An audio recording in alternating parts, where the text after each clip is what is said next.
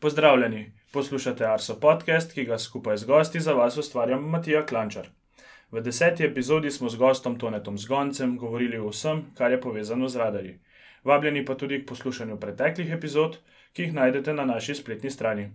Najdete nas tudi na družabnih omrežjih, na Twitter profilu MeteoSi in Facebook strani Arso Vreme, kjer nam lahko pustite kakšen komentar. V veliko pomoč pri širjenju naše besede so tudi ocene na Apple Podcasts, vse komentarje, pripombe in predloge pa nam lahko sporočite na elektronski naslov podcast.arso.afnago.si. Danes pa je moj gost Brane Gregorčič, govorila pa bova o službi meteorologa prognostika. Zdravo, Brane. Pozdravljen. Bova začela malce v zgodovini.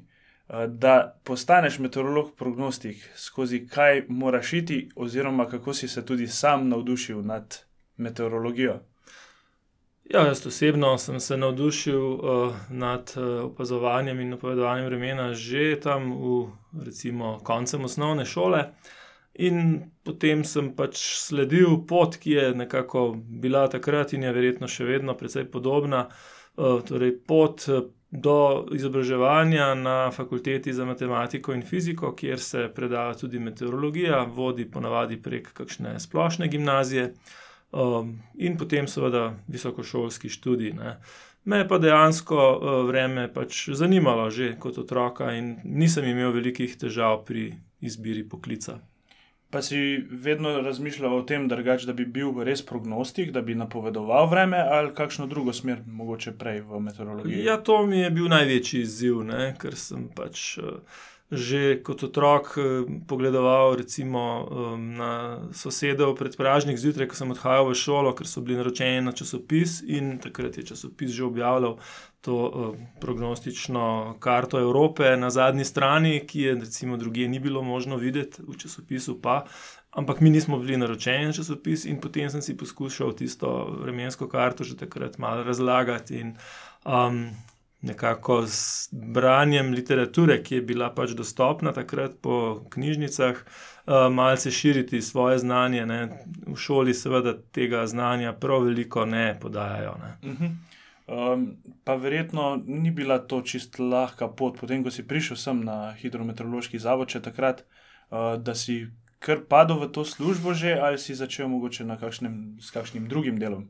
Um, no, to je bilo tam daljnega leta 85, ko sem bil zaposlen na takratnem HMZ-ju kot pripravnik. Seveda v, v dobi pripravništva, to je slabih 12 mesecev, smo nekako se seznanili z vsemi delokrogi na takratnem HMZ-ju.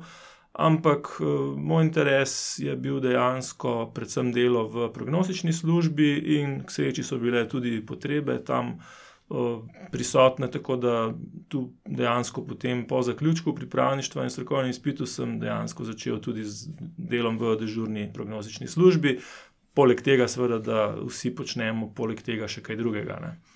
Moje naslednje vprašanje se bo točno na to navezovalo. Kaj je recimo poleg tega, da si še tudi pro, dežurni prognostik, uh, s čim se še vse ukvarjaš? Ja, že no, zdaj v, zadnjih, v zadnjem času, predvsem stiki z javnostmi, tako bodi si z mediji, kot tudi z drugimi uporabniki. Um, že včasih eh, smo širili krok uporabnikov naših produktov ne, in smo nekako um, se poskušali s svojimi um, izračuni ki na začetku še pač na začetku tudi ni bilo svetovnega spleta. Ne, in kdo je želel um, kakšne podrobnejše vremenske napovedi, smo mu jih lahko pač zagotavljali um, na njegovo željo po kakšnih prilagojenih poteh. Zdaj, v zadnjih uh, letih ali pa celo desetih letih, uh, je pa velika večina zelo uporabnih produktov dejansko na voljo na svetovnem spletu. Ne, Potem ostanejo res samo še neki bolj zahtevni uporabniki, ki pa želijo vseeno še kaj več, kot je možno uh, pač počrpati z svetovnega spleta. Ne. Če greva zdaj na dežuranje, na dežursko službo, uh, povej, recimo, tudi poslušalcem, kako se začne sploh tvoj dan, kdaj moraš biti že v službi tukaj na Arso. Ja, dežurna prognostična služba teče vse dni v letu, ne, ne glede na to, kateri dan v tednu je. Um, zdaj, v zadnjem času, začenjamo um, z delom malo pred šesto uro. Uh, smo pa pred leti začenjali še dobro uro prej. Bilo je celo obdobje, ko smo um, ko na našem letališču uh, na Brniku še ni bilo meteorološke zasedbe, ki dežura 24 ur, kot sedaj seveda je. Takrat smo uh, deloma pisali specialne prognoze za letalce uh, tudi v Ljubljani in to zgodaj zjutraj, tako da smo začenjali že pred četrto uro zjutraj. No, ampak eh, zdaj, ko imamo na letališču 24-urno službo, ki posebej skrbi za varno odvijanje letalskega oziroma zračnega prometa, eh, smo pač v Ljubljani nekako vsak dan dežurni od 6. zjutraj do 6. zvečer. Mhm. In kaj so recimo tvoje prve naloge, ko prideš zgodaj zjutraj v službo, kaj najprej pogledaš? Osnovna naloga eh, državne meteorološke službe je pravzaprav napovedovanje in opozarjanje nevarnih meteoroloških eh, dogodkov oziroma razmer, ki bi lahko povzročale bodi si materialno škodo ali ogrožale življenje. Tako da izdaja opozoril je naša prva prioriteta, ampak seveda poleg tega pa sreči se s takšnim burnim vremenom ne srečujemo ravno vsak dan. Um, seveda ljudi pa zanima za načrtovanje dejavnosti, nasploh potek vremena. Naš cilj je predvsem seveda območje Slovenije, tako da povedujemo s pomočjo meteoroloških modelov, oziroma naloga dežurnega je pravzaprav, da v besedi tiste numerične produkte, ki so na voljo v končni fazi tudi na spletu, um, se pravi, da poenostavi izhod iz meteoroloških modelov, kjer je količin ogromno, kjer je časovnih korakov ogromno, tako da z nekim vezanim tekstom pravzaprav. Um, v nekaj stavkih pove bistvo, kaj se bo z vremenom na, na določenem območju, v določenem času uh, dogajalo. Ne. Koliko so recimo tukaj pomembne izkušnje, tiste, ki jih imaš recimo že s podobnimi situacijami, ki so se zgodile iz preteklosti? Izkušnje to delo vsekakor olajšajo, sigurno. Uh, ampak seveda zdaj uh, v teh nekaj desetletjih, kot recimo delam to delo, moram reči, da se je seveda tudi ozadje, da se je vsebina močno razširila, se pravi, rezultati vedno boljših meteoroloških modelov. Um, vedno več informacij moramo pravzaprav v glavi predelati, preden pridemo do končnega teksta. Ne? Tako da na nek način je to izboljšava, na, drug, na drugo, po drugi strani pa lahko pridemo tudi v konflikt sami s seboj, oziroma z različnimi modelskimi izračuni, ker zdaj model ni več en sam, ampak jih je več in kadar recimo se razhajajo med seboj v svojih izračunih. Potem smo pač pred dilemo, v katero smer se uh, odločiti ne, in kateremu modelu dati v posamezni vremenski situaciji večjo težo, oziroma težko je pravzaprav dopuščati velike dvome, ker potem izpade, da pravzaprav niti mi ne vemo, kaj se bo dejansko zgodilo. Čeprav so, so situacije, ko to ni zelo daleč od resnice, um, ko je treba recimo izdajati upozorila za določene. Um, recimo, pričakovane velike količine padavin na posameznih območjih, se nam zgodi, da je po različnih modelih tudi za faktor 3 ali 4 uh, različen iz, izračun. Ne. Potem se seveda poslužujemo še recimo. Um, tako, imenovane, um, tako imenovanega uh, ensemblskega izračuna, kjer s 50 izračuni pridemo do nekih objektivno izraženih verjetnosti za recimo količino padavin nad določenim pragom. Po drugi strani pa imamo visoko ločljive modele, kot je Aladin, ki pa omogočajo zelo podrobne, krajevno tudi z dobro ločljivostjo izračune, ki pa seveda včasih morda tudi niso v popolnosti pravilni. Tako da vedno smo pred dilemo, um, kako povedati, recimo, bistvo, pa ne da bi s tem kakšno, kakšen dvom sejali v samo napoved. Skozi imamo v mislih, recimo, vprašanje. Kaj se pa pol zgodi, recimo, napove, pač stojiš za svojo napovedjo, ki se pa potem ne izkaže za tako, kot smo v bistvu predvidevali, da se bo v bistvu vreme tudi odvijalo? Ja, napoved je vedno le napoved, k sreči teh napovedi, ki se ne bi vsaj približno dobro uresničile, res ni veliko na letnem nivoju. Um, letno naredimo seveda tudi analizo uspešnosti, predvsem izdajo opozoril, um, tudi določeno objektivno analizo uh, napovedi, čeprav je seveda napoved razmeroma težko objektivno verificirati, kajti vreme ni samo en parameter, ne, ne gre samo za oblačnost ali padavine ali veter, um, tip padavin. Da ne govorimo potem še o kakšnih uh, bolj burnih dogodkih, kot so nevihte oziroma neurja. Um, vsega v detajle se seveda uh, ne da vnaprej napovedati, ampak uh, mislim pa, no, da uh, je veliko, če ljudi pripraviš na določene možne scenarije. Govoriva zdaj bolj o tem intenzivnem vremenu. Ne. Kadar je vreme lepo, se potem ukvarjamo samo s tisto napovedjo ene stopinje več ali manj, kar pa seveda ni tako zelo pomembno. Uh, kadar pa je vreme bolj zahtevno in posledično lahko potencialno nevarno, takrat uh, pa gre kar precej tudi uh, živcev pri pripravi končnih produktov. Ne tekom dneva, ko si dežuren, se veliko javljaš tudi po različnih radijih, tudi na televiziji. Mogoče, uh, koliko je še tega dela zraven, poleg pač seveda tega gledanja kart, gledanja modelov, uh, koliko še imaš, imaš slučajno kakšno številko, kolikrat na dan se javiš vem, na različne radije. Ja, dnevno se redno javljamo v program šestih oziroma sedmih uh, radijskih postaj, malce odvisno od uh, dneva v tednu.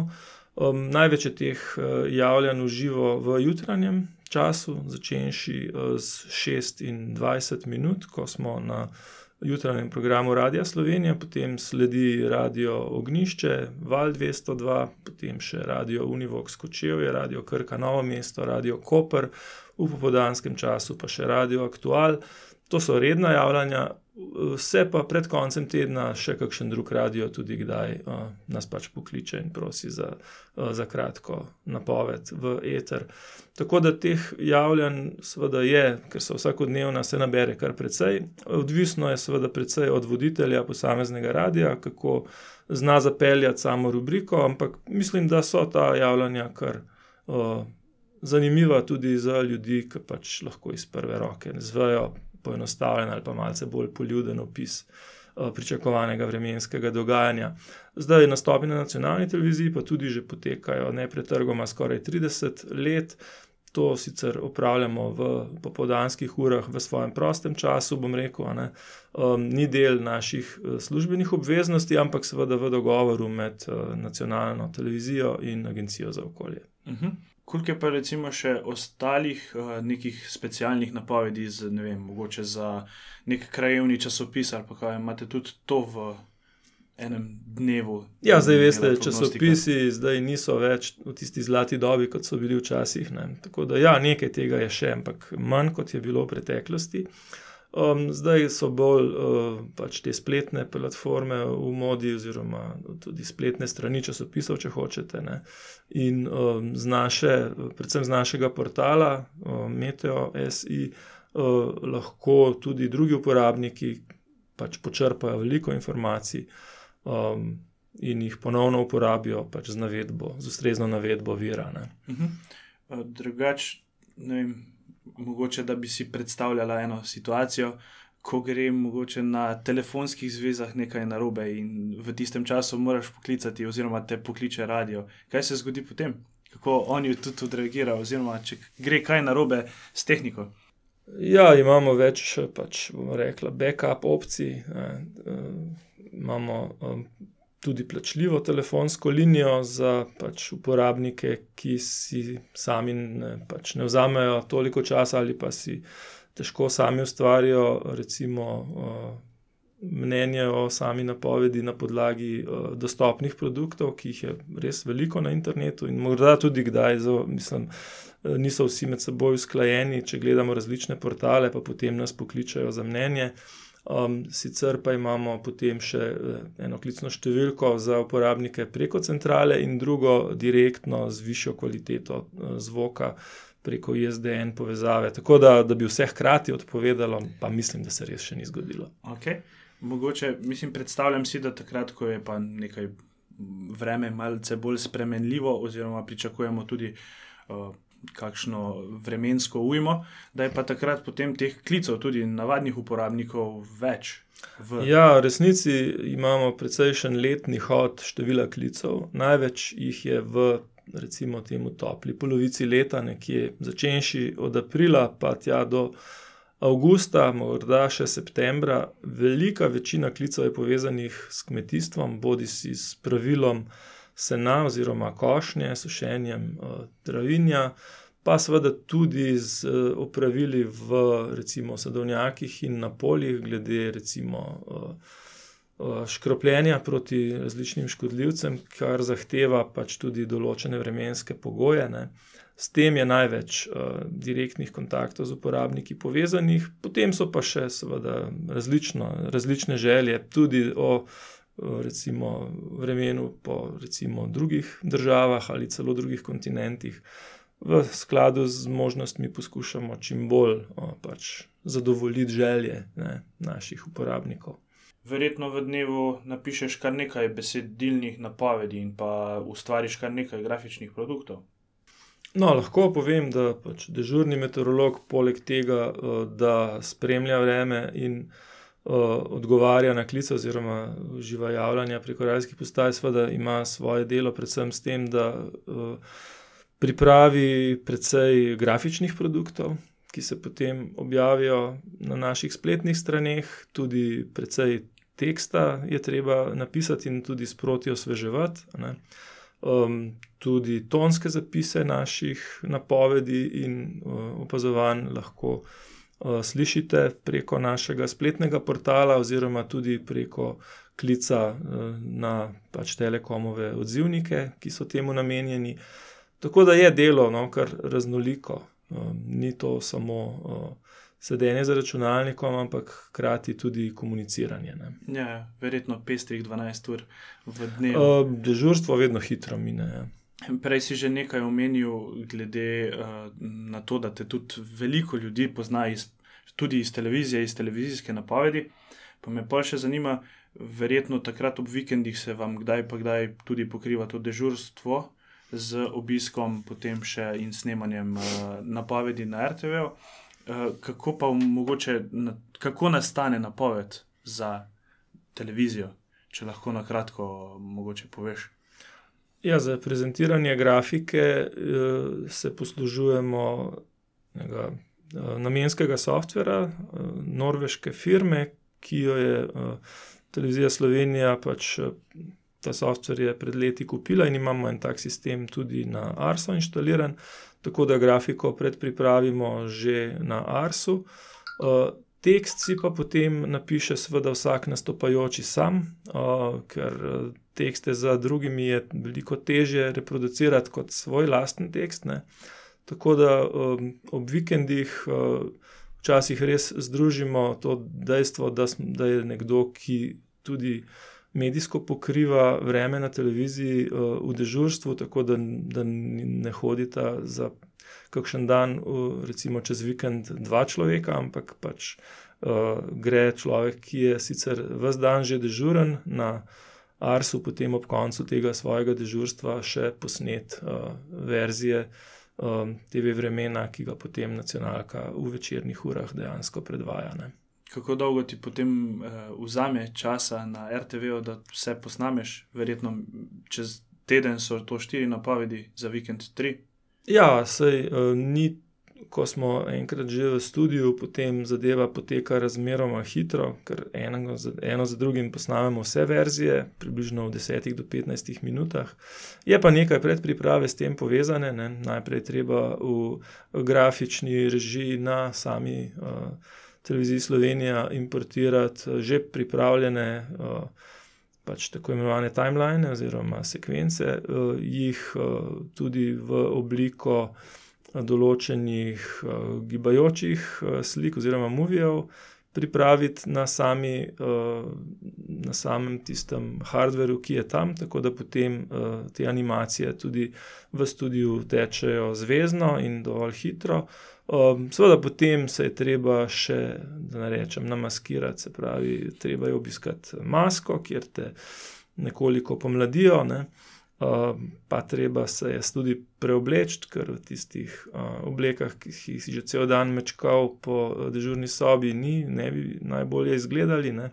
Uh, potem pa seveda treba počakati, da, bo, da je studio prost, kajti v istem studiu se snemajo tako informativne oddaje, športne oddaje, kot tudi vremenske, in tako da imamo določeno časovno okno, kjer te oddaje posnajamo, no in potem pa še vse v obratni smeri lepo pospraviti, kajti uh, smo edini, ki potem na televiziji. Uh, tehnično, recimo, eh, to vsebino za sabo, tudi potem ugasnemo servis, eh, strežnik in tako naprej. Vse skupaj traja, ne vem, uro, uro in pol. Um, tako da, kadar smo čez vikend dežurni, ostanemo malce pred peto zjutraj in se vrnemo domov tam malce pred 19. uro. Dan je kar dolg, ne? ampak ker je delo zanimivo, ni problem. Mislim, drugač, da si fajn zaključil tale najn pogovor. Uh, hvala za tvoj čas in da si bil gost v današnjem podkastu. Hvala za povabilo. Hvala za poslušanje in pozornost tudi vsem vam, dragi poslušalci. Obilo lepega vremena do naslednjič in se slišimo čez 14 dni.